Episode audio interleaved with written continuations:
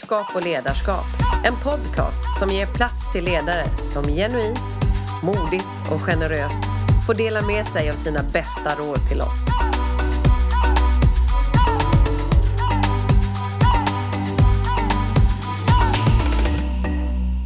En sak som vi kan konstatera är ju det här med att vara i förändring är någonting som är konstant. Eh, och eh, det är också ibland en utmaning för att alla vet allt. Många känner till ibland kanske mer om eh, vad de tycker och tänker om saker och ting innan det ens har hänt än vad de kanske gjorde tidigare. Och det är på gott och ont det här med transparensen. Men eh, vi ska prata om lite grann vad finns det för lösningar för att få just förändringar att gå i varje fall så smidigt som möjligt. Och eh, med mig har jag Martin Idbrand som är VD på Aritco. Välkommen! Stort tack! Men innan vi börjar prata om dina eh, tips och idéer när det gäller det här med förändringsledning så tänkte jag innan du själv blev chef, vad var din erfarenhet av ledarskap när du växte upp? Ja, eh, jag har ju reflekterat över den frågan och jag har haft många fantastiska ledare runt omkring mig. Men när jag verkligen tänker tillbaka så eh, jag växte upp utan pappa och jag hade två fantastiska föräldrar i min mamma och min mormor. Eh, som har gett mig otroligt mycket uppmuntran, otroligt mycket kärlek. Naturligtvis en hel del kritik när jag gjort dumma saker. Men aldrig kritik mot den jag är, så att säga, utan mot de saker jag har gjort. Mm. Eh, så jag har känt mig alltid väldigt uppskattad, har, har fått en väldigt bra självkänsla. Mm. Eh, och det har jag tagit med mig i livet. Mm. Men du har ju också jobbat både utomlands och i Sverige och liksom har ju det här entreprenöriella drivet i dig också. Men var, var kommer det ifrån? Ja, jag vet inte. Det är svårt att göra analysen på sig själv, ja. hur mycket som, som är medfött. Men eh, i väldigt tidig ålder, min mamma var undersköterska och jobbade på deltid. Fortfarande undersköterska, pensionerad. Eh, men, men jobbar lite fortfarande. Eh, och eh, i en ganska tidig ålder så var jag väldigt intresserad av teknikprylar och prylar i allmänhet. Mm. Och eh, om jag skulle kunna få några teknikprylar så var det för mig att skaffa pengar. Mm. Så redan i en ålder, 6-7 år, så började jag sälja gräddbullar, dela ut reklam, sälja tidningar på helgen. Då var det ju Aftonbladet Expressen man sålde på helgen. Mm. Så i en väldigt tidig ålder så började jag att, att, eh, så att, säga, att sälja för att i, i det läget få pengar. Mm, mm. Eh, och då var det ju pengarna som var drivkraften. Mm. Men eh, jag tror att lite längre fram så inser man att det kanske inte är pengarna som är drivkraften utan mm. det är någon typ av självuppnåelse. Man känner sig lyckad, man, man, man, man blir lycklig av att nå mål.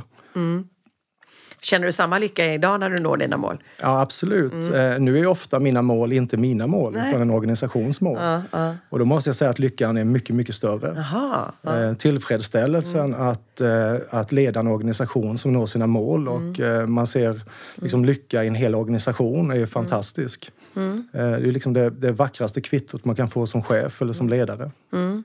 För du hade jobbat utomlands och så valde du att komma hem till Sverige och börja jobba på Aritco. Så jag tänkte, liksom, vad, var det, vad var det du såg där som du kände, ja det här kan jag inte säga nej till? Eh, ja, man kan säga så här, den resan, vi, vi reste ut utan barn mm. eh, utomlands mm. och eh, vi fick två barn på på resan så att säga. Mm. Ett barn i Schweiz, vår son Kasper. Mm. Och en fantastisk dotter som heter Tilda. Mm. Kasper är också fantastisk mm. by the way.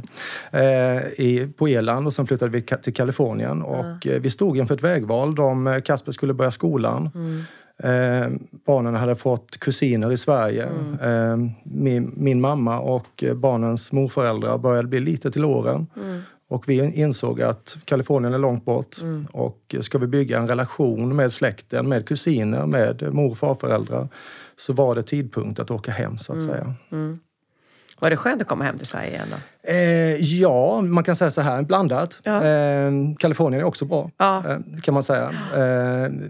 Eh, det var en stor eh, förändring eh, i livsstil. Ah. där man lever i shorts och pikétröja ah, 363 dagar mm. om året. Sen är det två dagar som man kanske mm. får dra på sig något annat. Mm. Så i livsstil ganska stor skillnad. Mm. Ja. ja, det krävs ju lite mer planering här hemma för att det ska My, funka. Mycket mer planering. Jag har en sån här fantastisk historia. När första gången vi åkte hem, ja. vi flyttade till Kalifornien i september, eh, kommer jag inte ihåg årtalet, 2012.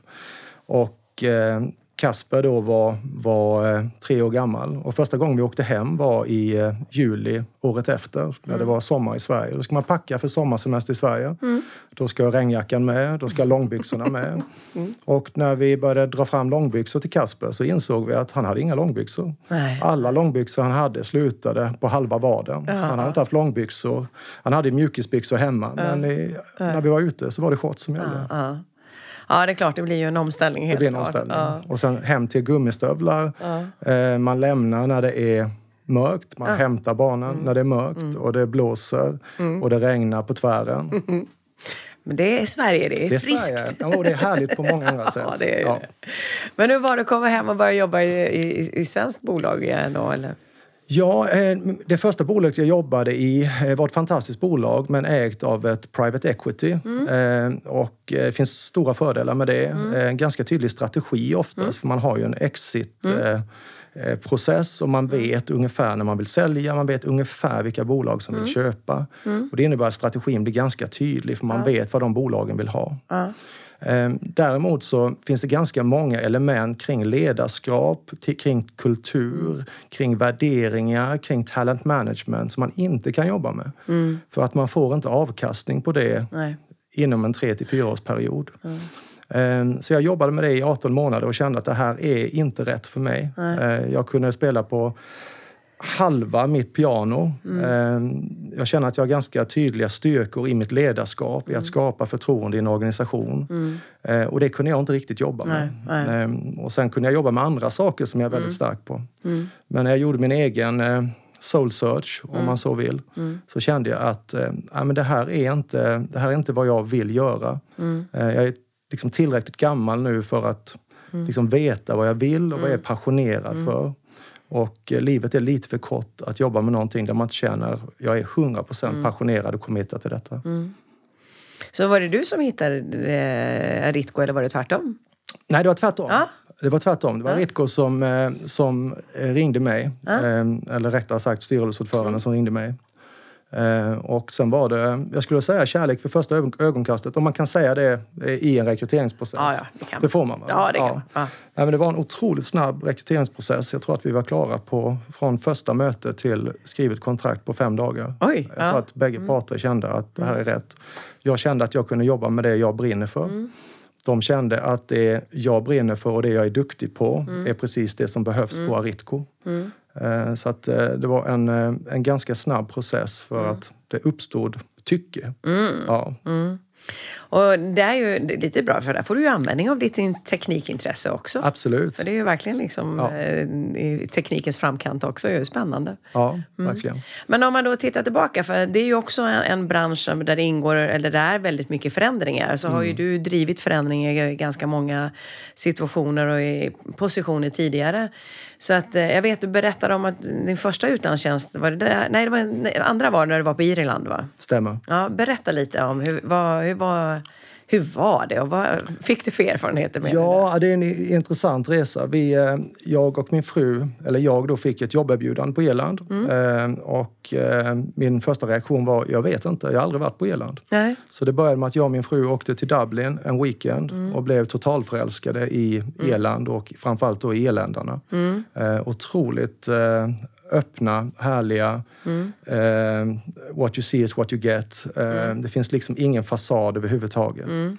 Uh, så vi bestämde oss på att hoppa på det här tåget. Mm. Detta var då i slutet på 2009. Mm. när Irland hade varit i kris i tre år. Och jag tror att alla, inklusive jag själv, trodde att nu kan det inte bli värre. och 2010, då, januari när jag började, så hade man en situation, jag tror detta är otroligt svårt att förstå för oss svenskar. Vi har en ganska stabil ekonomi och när vi pratar om kris i byggsektorn, mm. ja, då går marknaden ner 3 mm. Eh, och mm. Eh, då, är det, då är det kris. Mm. Och eh, vid den tidpunkten i Irland så hade man en arbetslöshet på, inom, inom byggnadssektorn på 65 procent. Och då ska man ändå räkna att alla gästarbetare ifrån Baltikum, från mm. Polen, från Spanien, från Italien var inte medräknade för de var inte med i den officiella statistiken. De var ju de som åkte hem först så att mm. säga. Mm. Så 65 procent arbetslöshet var bland irländare. Oj. Och en, en, annan siffra som är sådär slående är att i Sverige idag de sista tio åren, förutom de sista två åren, då, eh, så har vi byggt någonstans runt 30 000 eh, vad man kallar housing units om året. Mm. Det är vår produktionstakt för att mm. eh, klara befolkningsökning och förnyelse och så vidare. Och vi skulle nog behöva ungefär 40 000 om året i Sverige för att klara befolkningsökningen. Eh, på Eland i 2010 så fanns det 350 000 tomma eh, housing units, antingen lägenheter eller hus, Helt som var byggda i ren spekulation. Ja.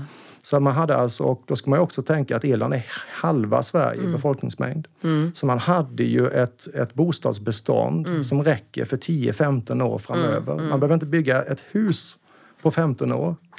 Och då går naturligtvis bostadsmarknaden eller hela konstruktionsmarknaden ja, eller ja. byggmarknaden in i en ja. absolut kris.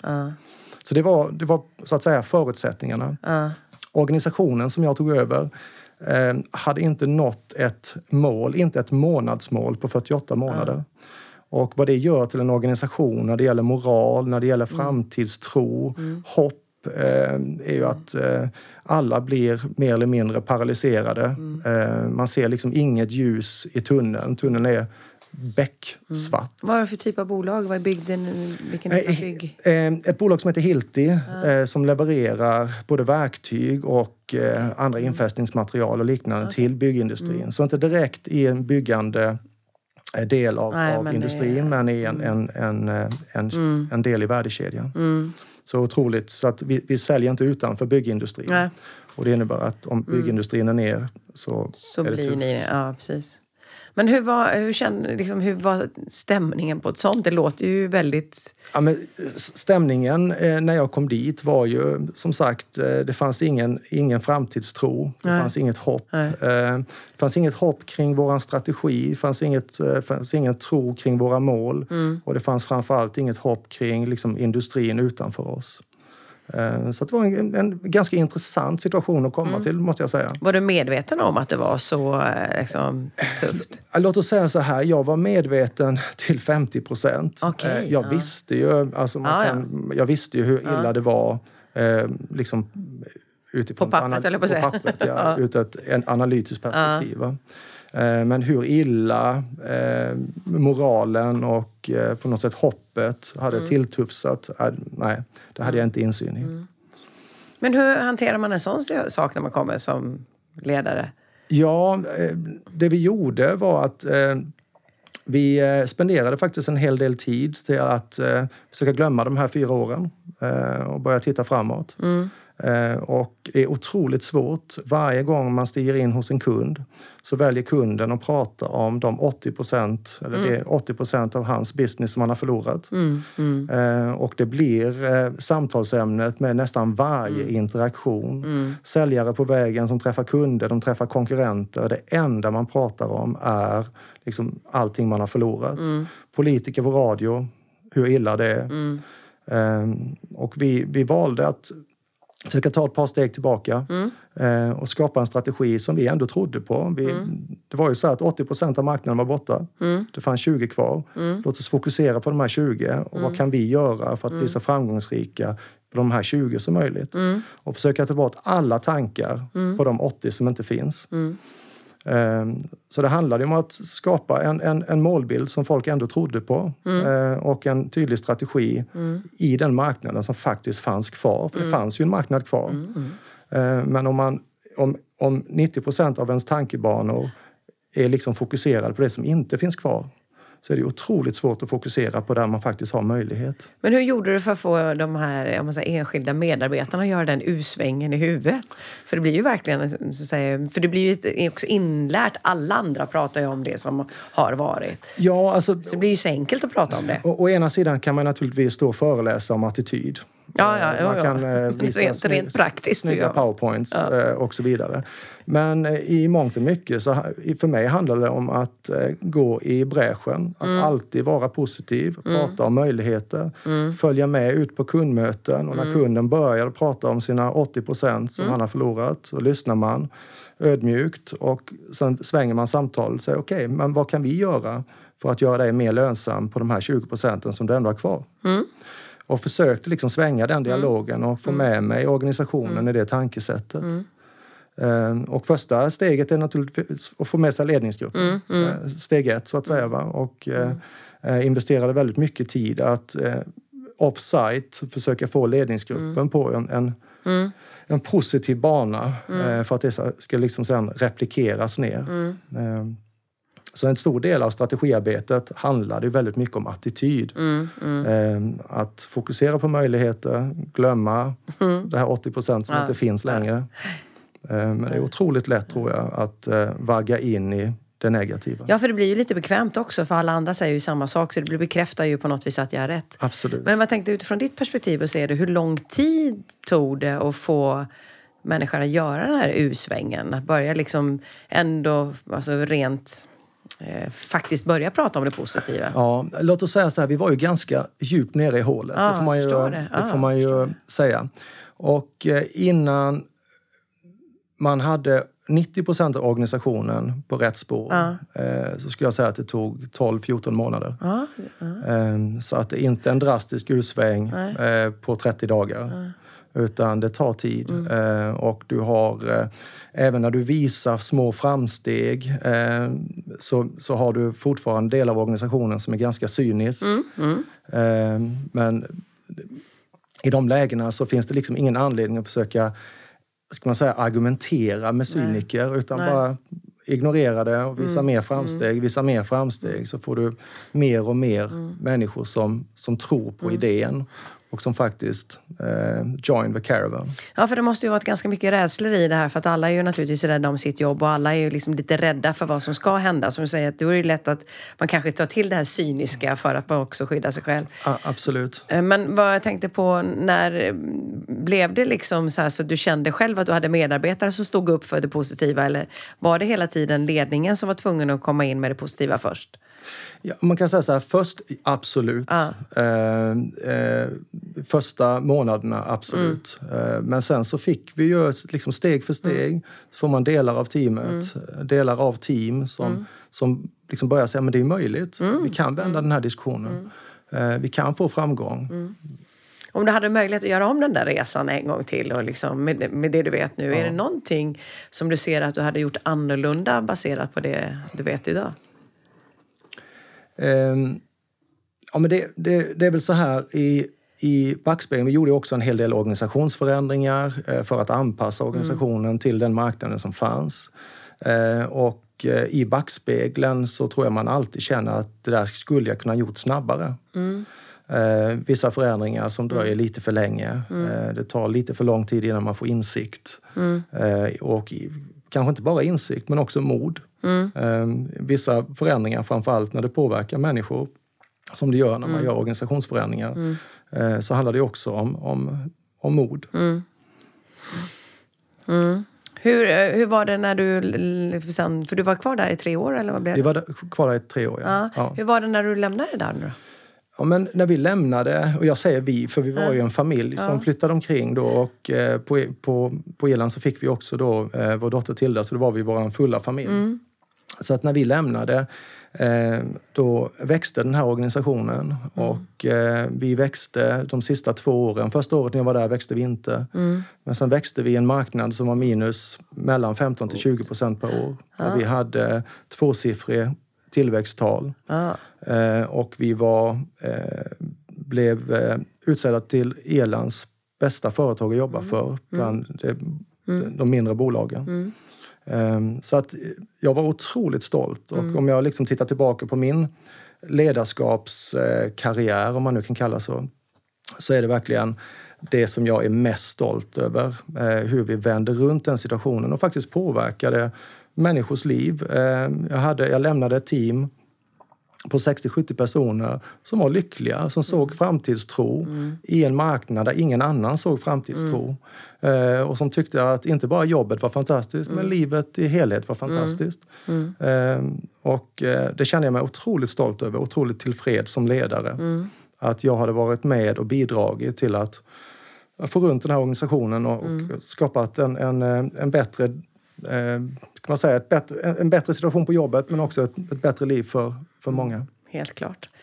Så då var det ju lite enklare att komma hem till Sverige då. Här har du lite bättre förutsättningar då, kan man ju säga. Ja, absolut. Ja, när du, just idag utifrån er verksamhet, vad är den största utmaningen för er idag? Eh, ja, bra fråga. Vi är ju i en, eh, i en global värld. Vi har mindre än 6, eller vi har 6 procent av vår försäljning idag i Sverige. Eh, det innebär att vi agerar på en global arena med en en eh, global konkurrenssituation, globala trender, globala teknologier. Mm. Och det innebär att Eh, vad vi vet idag är inte säkert att det är sanningen imorgon. Mm. Eh, så vi måste vara ganska snabba mm. eh, och måste göra kontinuerliga förändringar. Vi måste ha en tydlig strategi, ett mm. ramverk för mm. vad vi vill göra, vad vi vill fokusera på och prioritera. Mm. Men inom det ramverket så måste vi vara ganska om jag nu använder ett hippt ord nu för tiden, ganska agila. Mm. Ehm, och då gäller det att man har en organisation som som är redo att förändras, mm. att förändra prioriteringar, be, förändra beslut mm. eh, så att säga och är komfortabla och bekväma med det. Och där är det ju, det, det blir ju en skillnad, men jag kan tänka också när, om jag bara tittar tillbaka på när jag började jobba efter att ha studerat så var det ju mycket det här att du fick en tjänst, du skulle vara kvar och liksom, vet man delar ut guldklockor när mm. man har varit länge och du vet, du, du, skulle, var det någon som bytte efter ett år så här, men då var det en hoppjerka liksom. Mm. Du skulle vara länge för att verkligen liksom visa att du var lojal. Eh, och då gör ju också att du på något vis har ett annat typ av mindset. Det är liksom på något sätt man sitter på sin, det här är min roll, det är min funktion. Mm. Eh, och det är en helt annan setup idag. För det krävs ju på något vis att man är den spelaren som behövs i gänget. Mm. Så hur gör du för att liksom eller var organisationen, hade de redan den inställningen när du kom till Aritco att de var inne på att ja, det här går så snabbt så vi måste vara med? Eller var det lite gammal traditionell organisation kontra det här nya?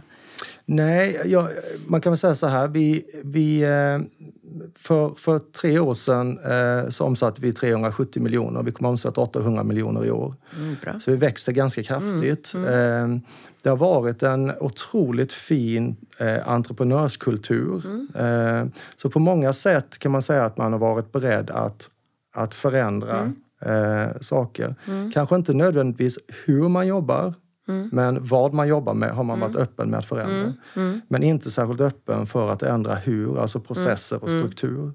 Och nu börjar vi nå en storlek där vi behöver processer och struktur eh, för att mäkta med volymen helt enkelt. Och för att inte göra för många fel och eh, för att leverera det kunder faktiskt vill ha i tid och i rätt kvalitet och allt det där. Och det är ju en utmaning just när man växer, just att man behöver gå över till att bli mer strukturerad. Absolut. Och då, de här som är mer entreprenöriella, det blir ju lite tråkigare för dem då. Det blir ju lite mer uppstyrt. Så ja, det, hur gör ni då? Ja, alltså, jag, jag, tror att eh, å ena sidan så har vi faktiskt haft eh, ett par människor som har varit så mogna som har sagt det här är inte för mig. Nej, eh, jag vill vara i en miljö där jag mm. bestämmer allt själv inom mm. mitt område. Jag vill inte vara i ett processlandskap. Eh, och eh, ett bolag med 20 anställda passar mig bättre än ett mm. bolag med 400 anställda. Mm. Ehm, så naturligtvis så sker det. Om man är mm. väldigt tydlig som ledare med vad mm. man vill utav organisationen, mm. vad vi ska göra men också hur vi ska göra det. Mm. Eh, så kommer ju faktiskt människor ibland till den insikten att det här är inte för mig. Så det är naturligtvis den ena saken. Och den andra saken är ju att vi har ju ett jättebehov för kreativitet. Och det handlar ju om att hitta roller där man kan kanalisera detta. Mm. Eh, så vi har ju otroligt många bra medarbetare med mycket liksom, kreativitet, mycket innovationstänk. Mm. Och då gäller det ju att sätta dem in i ett sammanhang där de kan mm. få vara det. Kan du ge oss någon, liksom så här, utan kanske, jag vet inte hur mycket du får berätta, men vad är det senaste ni har gjort när det har varit lite kreativt och innovativt? Ja, alltså nu har vi ett projekt som är, det kanske inte är jätteinnovativt, men för oss är det otroligt viktigt. Mm. Vi har ett, ett, projekt som vi ska lansera alldeles snart. Mm. Eh, som handlar om hur vi paketerar och skickar våra hissar. Ah, okay. eh, och jag går inte in på detaljer, Nej. men det kommer innebära att vi behöver ungefär 60% mindre eh, containerutrymme. Mm. Så att eh, vi får ut i runda slängar dubbelt så många hissar Oj, per container. Ah eh, vilket har en inverkan på oss, ja. har en inverkan på våra kunder runt om mm. i världen, men det har också en stor inverkan på miljön. Mm. Och detta var ett projekt som var, det går inte. Vi har packat hissar så här mm. i 20 år. Det mm. går inte att göra det annorlunda. Mm. mm. Eh, och sen så formade vi ett litet team, några otroligt kreativa människor och några mer processtänkande. Och plötsligt så hittade man vägar att faktiskt göra det väldigt annorlunda. Vad ser du är nyckeln? För all, precis som du säger, det här modeordet agilt. Och, och vi, vi tror vi förstår egentligen vad vi menar med det. Men vad, vad ser du behöver vara på plats för att det ska fungera i praktiken? Mm. Alltså, man kan säga så här att i, i, i dagens, framförallt hur det är för oss när vi har en väldigt liten hemmamarknad, vi är på en global mm. marknad, så måste vi vara eh, förändringsbenägna, låt oss säga så istället för agilt. Mm. Eh, och här kan man ju prata om förändringsprocesser på lite olika sätt. Det finns ju, I min värld så finns det en reaktiv modell eh, som är de här sju stegen för change management. Mm. Eh, och så går man igenom dessa och man försöker skapa sina allierade och man mm. försöker hitta tidiga vinster. Eller skapar man en organisation där det finns ett otroligt högt förtroendekapital mellan ledning och organisation, mellan organisation och strategi. Där man helt enkelt litar på att de besluten vi tar, de är rätt beslut. Mm. Man behöver inte gå och eh, fundera på och eh, samlas i kafferummet och mm. diskutera, är det här verkligen rätt? Har de verkligen tänkt på detta? Ledningen är ju faktiskt idioter. Eh, som händer på många företag. Mm. Men har man skapat en organisation där faktiskt organisationen litar på både strategi och ledning så blir väldigt många förändringar otroligt enkla. Men hur gör du då för rent praktiskt? För det är precis som du säger, det här är ju en bland nycklarna också för eh, medarbetarengagemang, att man litar på den seniora ledningen Absolut. och vet att de fattar kloka beslut. Men hur i praktiken gör du? För du är ju ganska många medarbetare också. Mm. Alltså det, man kan säga så här, det finns inte en nyckel. Nej. Eh, det är ganska många komponenter som mm. måste vara på plats. Men jag tror det finns några grundvärden.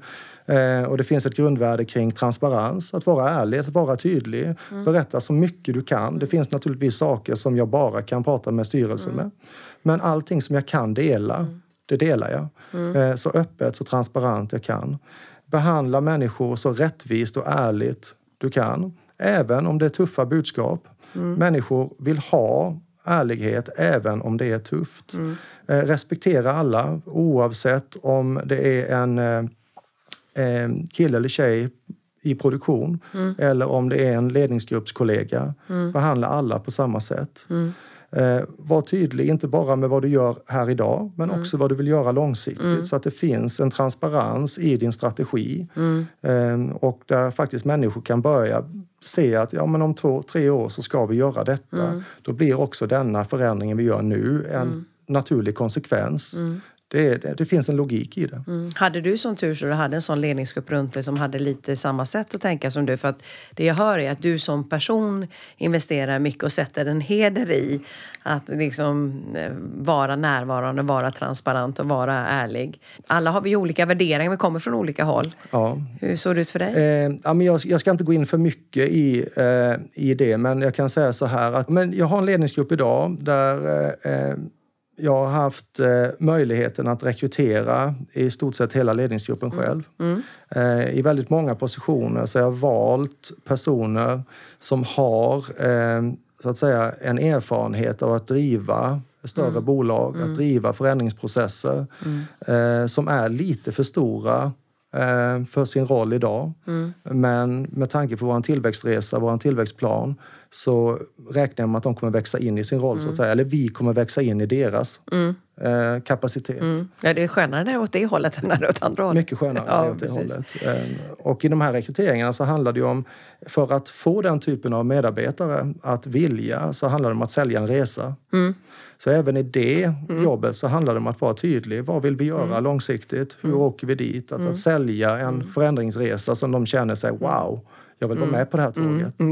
Eh, där ni är idag är inte intressant för mig. Nej. Men här, den här resan som ni ska göra, den vill jag vara med på. Ja, ja. Och jag tror att samtliga rekryteringar som vi har gjort på, inte bara ledningsgruppsnivå, men mm. på ledarnivå de mm. sista 18 månader, mm. så är det människor som vill vara med på den resan. Mm. Som, som känner sig sjukt motiverade att mm. vara med på det här tåget. Jag vill vara med i den här mm. förändringsresan. Det låter otroligt inspirerande. Jag gillar det ni försöker göra. Jag vill vara med. Jag hör ju också att du är en person som lär mycket av dina egna situationer som du är i. När senast var du själv i en situation där du kände att du egentligen liksom, det blev inte som du hade tänkt att förtroendet blev kantstött och så vidare. När hände det dig senast?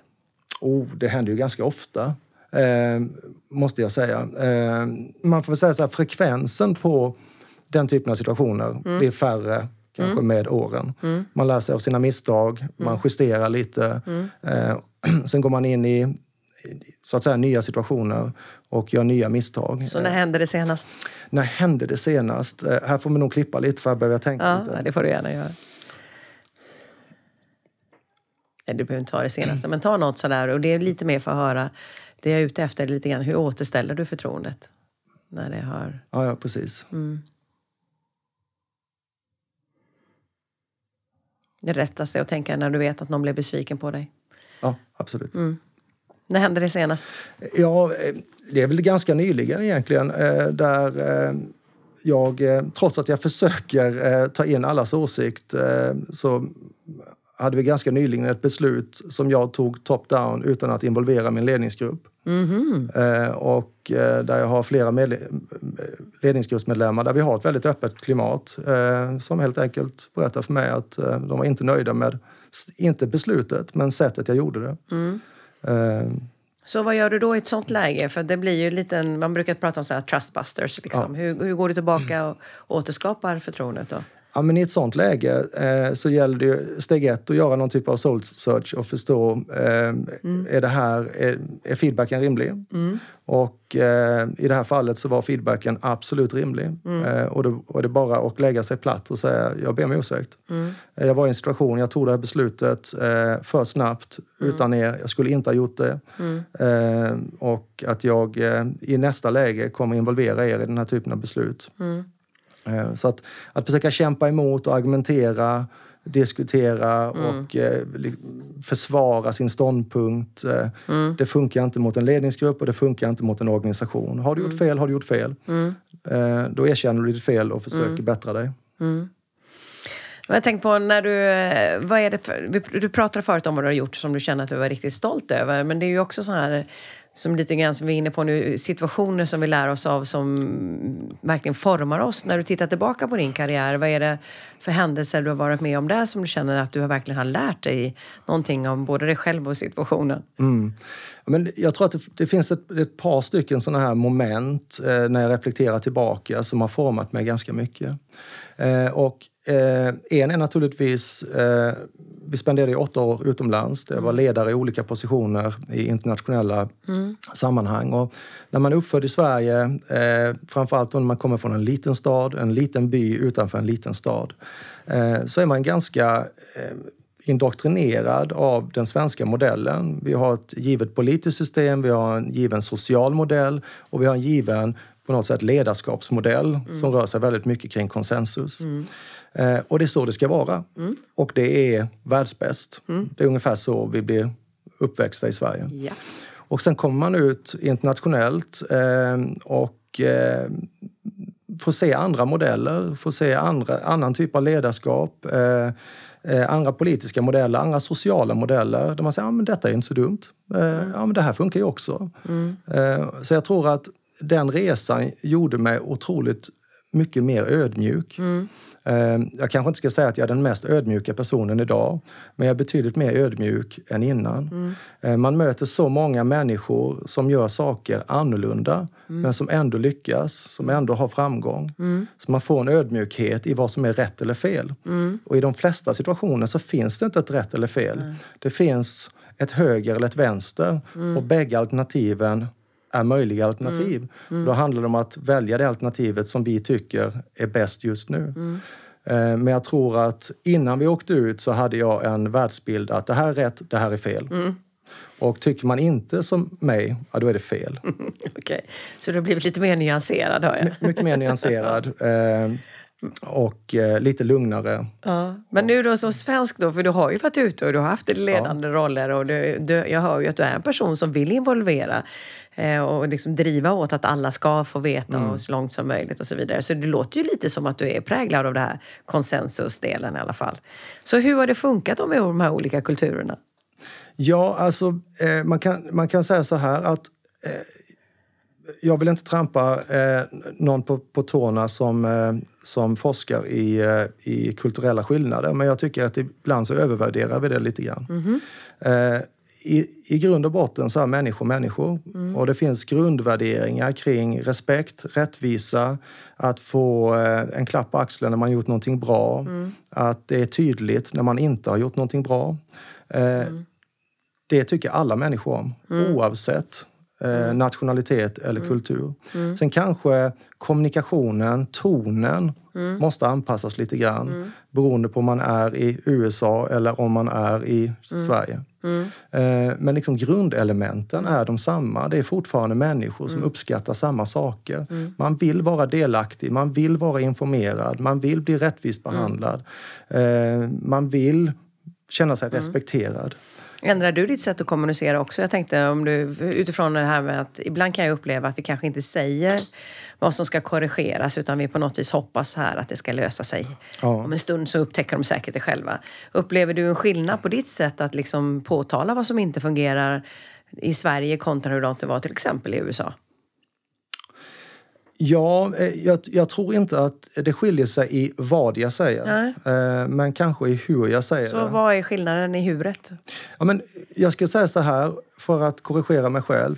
Eh, I huret så är det inte heller skillnad från USA och Sverige. Nej. Utan det är ju individanpassat. Okay. Mm. Och så kan man säga att i USA så kanske det finns en tendens att det finns en högre andel av teamet som är väldigt eh, extroverta mm. och så vidare. Mm. Eh, men i slutändan, hur man säger det, mm. hur man formulerar det, mm. eh, för mig är individanpassat. Mm. Jag, jag, jag, levererar inte ett budskap på exakt samma sätt i Sverige heller mm. till olika individer. Nej, nej. Ja, för jag kan ju uppleva ibland att vi i Sverige har ju blivit kanske bättre på att vi jobbar mer agilt vilket gör att vi kan hjälpa till varandra och vi supportar varandra på ett annat sätt. I en del andra länder så har du en annan hierarki och den är mer strikt i hur du kommunicerar och med vem du kommunicerar och så vidare. Upplever du det också att det är en skillnad på det sättet eller är det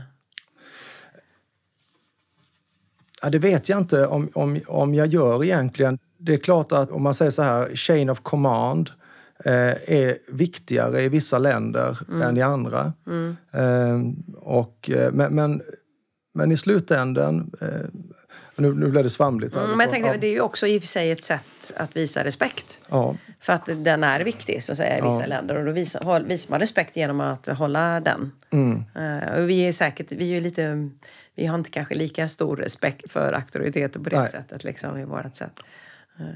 Men jag tänkte, om du inte kunde misslyckas och du bara visste det här går vägen, vad skulle du göra då? Eh, pratar du karriär nu eller? Ja, eller ja. det som dyker upp. Jag är ju i eh, min drömsituation just nu. Härligt. Eh, jag jobbar i en organisation där vi har fantastiska möjligheter att växa. Eh, en otroligt intressant marknad där globala trender spelar med oss. Eh, en eh, global setup, som, som jag sa innan, mindre mm. än, än 6 eh, av vår business går till mm, Sverige. Mm, mm. Jag får jobba med att bygga upp en organisation, mm. jobba med de saker som jag brinner för och mm. där jag vet att jag är duktig. Så att jag skulle säga att jag sitter i en drömsituation just nu. Vad lyxigt, och då gäller det att njuta ordentligt. Då gäller det att njuta, ja. absolut. När firade du riktigt ordentligt senast? Någonting som du kände att här, här gjorde vi bra? Eh, ja, vi firade ganska ordentligt eh, förra februari. Mm. Eh, vi har satt upp ett, eh, ett mål att nå en miljard innan 2022. Mm. Och eh, vi nådde en halv miljard i 2018. Mm. Mm. Eh, så det var liksom första milstolpen ah. på vägen. Ah. Och det var ett ganska rejält firande.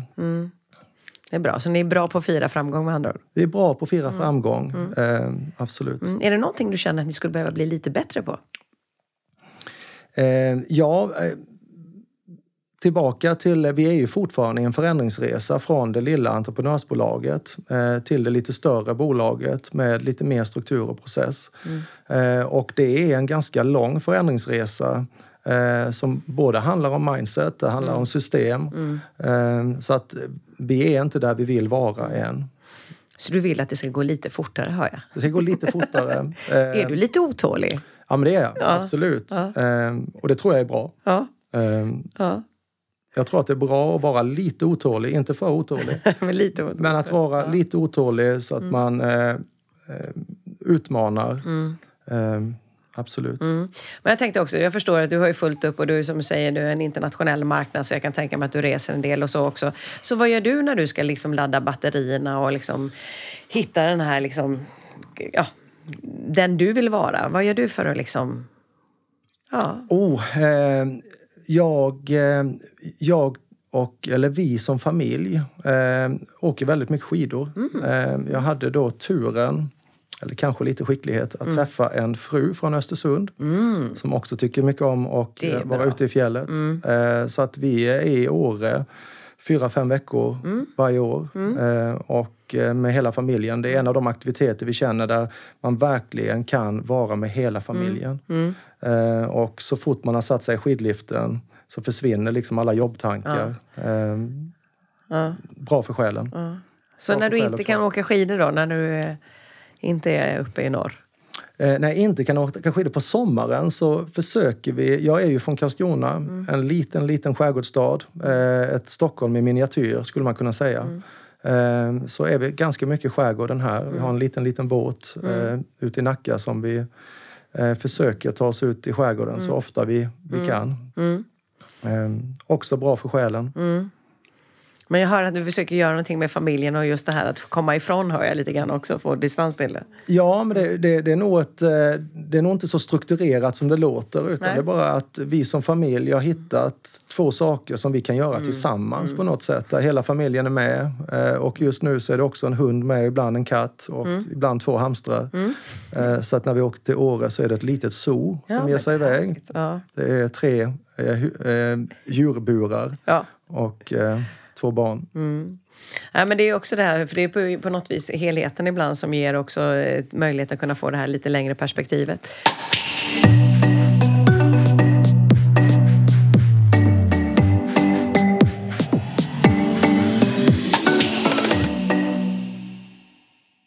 Men vad jag tänkte på om du skulle ge tre råd till ledare som, ja, som är just nu i, i livet att vi behöver, driver förändring och det händer saker. Ja. Får, jag, får, jag, får jag ge fyra?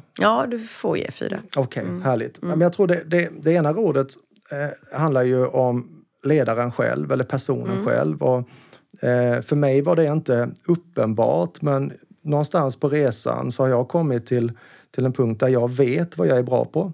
Jag vet också vad jag är passionerad över, vad jag verkligen gillar att göra. Eh, och då gäller det att sätta sig i situationer där man faktiskt kan jobba med det man är passionerad över och är bra på.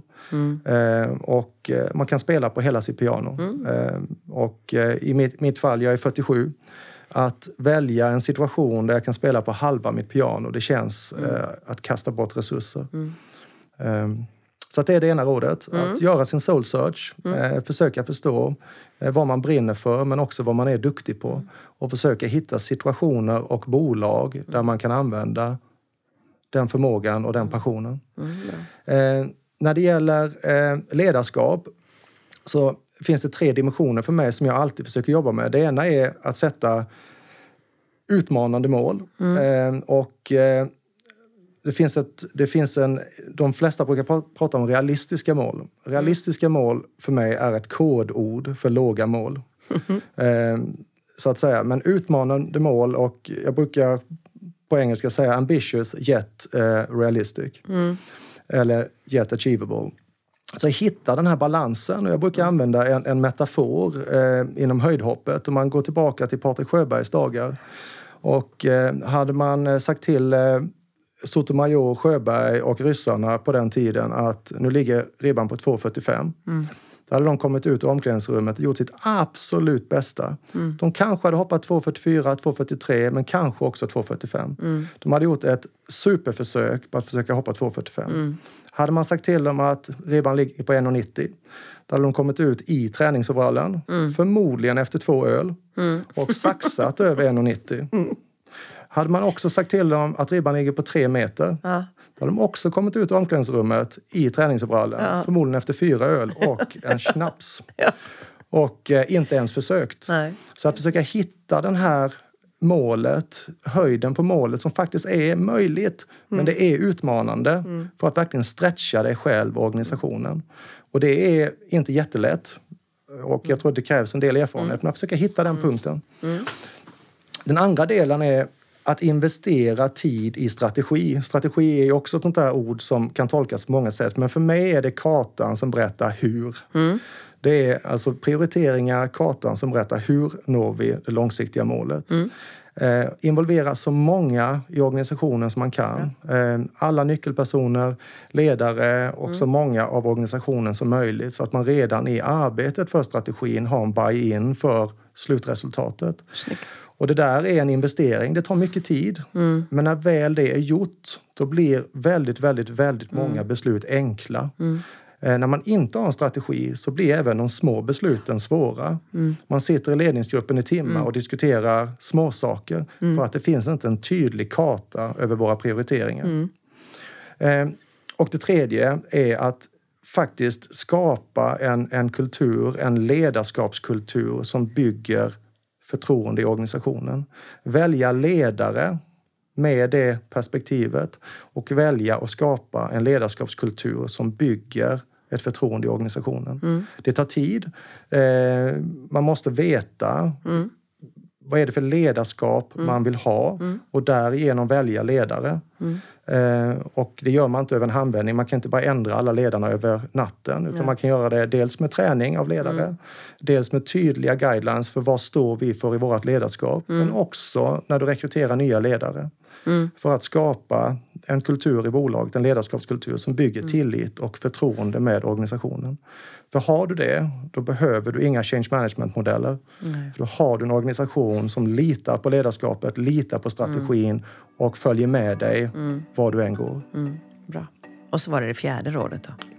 Det var ju fyra. Var det fyra? Ja, det var... du, du delar upp den där. på... Ah, ja, ja, det var, ett var ja. ju var sann mot dig själv. Ja. Välj situationer där du kan jobba med dina styrkor mm. och din passion. Mm. Sätta mm. utmanande mål. Skapa en strategi. Mm. Och bygga förtroende i mm. organisationen. Mm. Ja, men då är jag med. Då är jag nöjd. Ja, Tack så mycket. Tack så hemskt mycket. Tack. Tack.